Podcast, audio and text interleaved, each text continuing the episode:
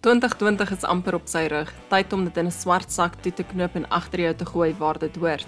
Dit was egter nie net 'n slegte jaar nie. Daar was behoorlike oplewering van fantastiese nuwe boeke. En met Kersfees wat net 'n paar slaapies ver is, is dit dalk tyd om jou inkopies af te handel as jy nog nie het nie. Nog nooit het jy so klomp diverse boeke op een lys bymekaar gesien nie. So gryp 'n koppie koffie of 'n glas wyn en kom kuier saam. Ek is Shantay en jy luister na die lewe en ander onbenullighede.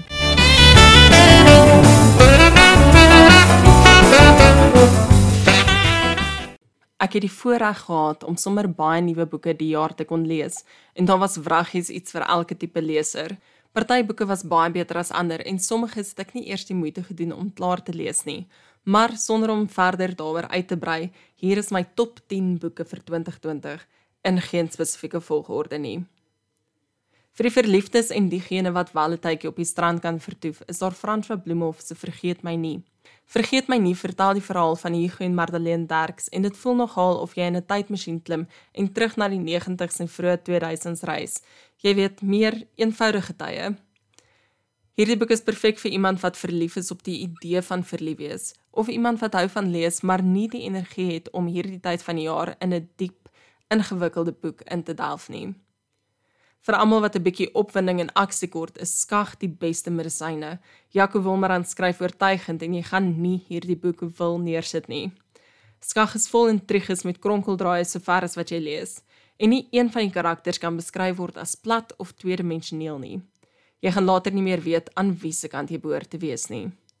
Skag is aksiebelaaid en ideale leesstof vir iemand wat hou van geskiedenis en aksie. My geskiedkundige gunsteling vir 2020 is Maggie Eustace se kort memoir, Maggie, my lewe in die kamp.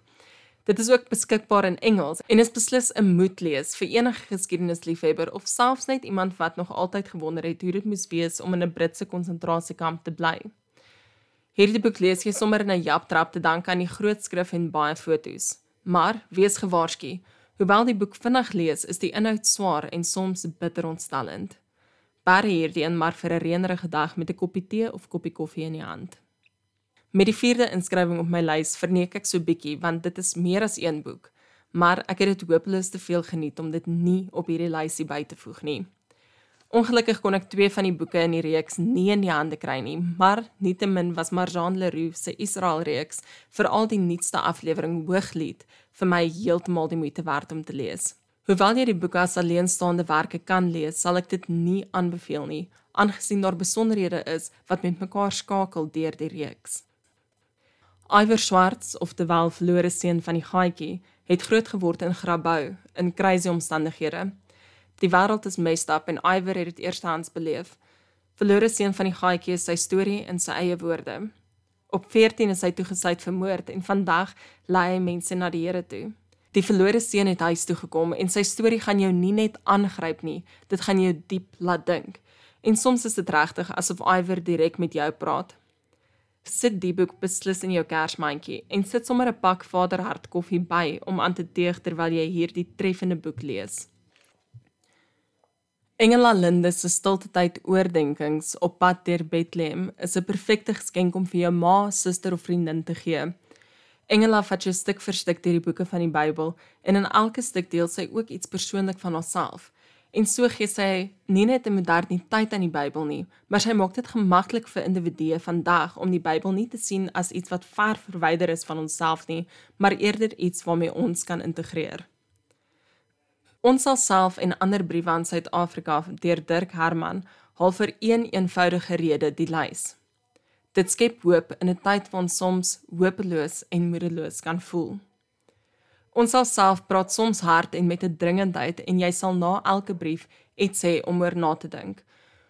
Gaan luister gerus na die eerste episode van die lewe en ander onbenullighede om meer oor die boek te hoor. Hoewel die lys tot dusver nie noodwendig spesifieke volgorde gehad het nie, is die laaste 3 verseker my top 3 vir die jaar.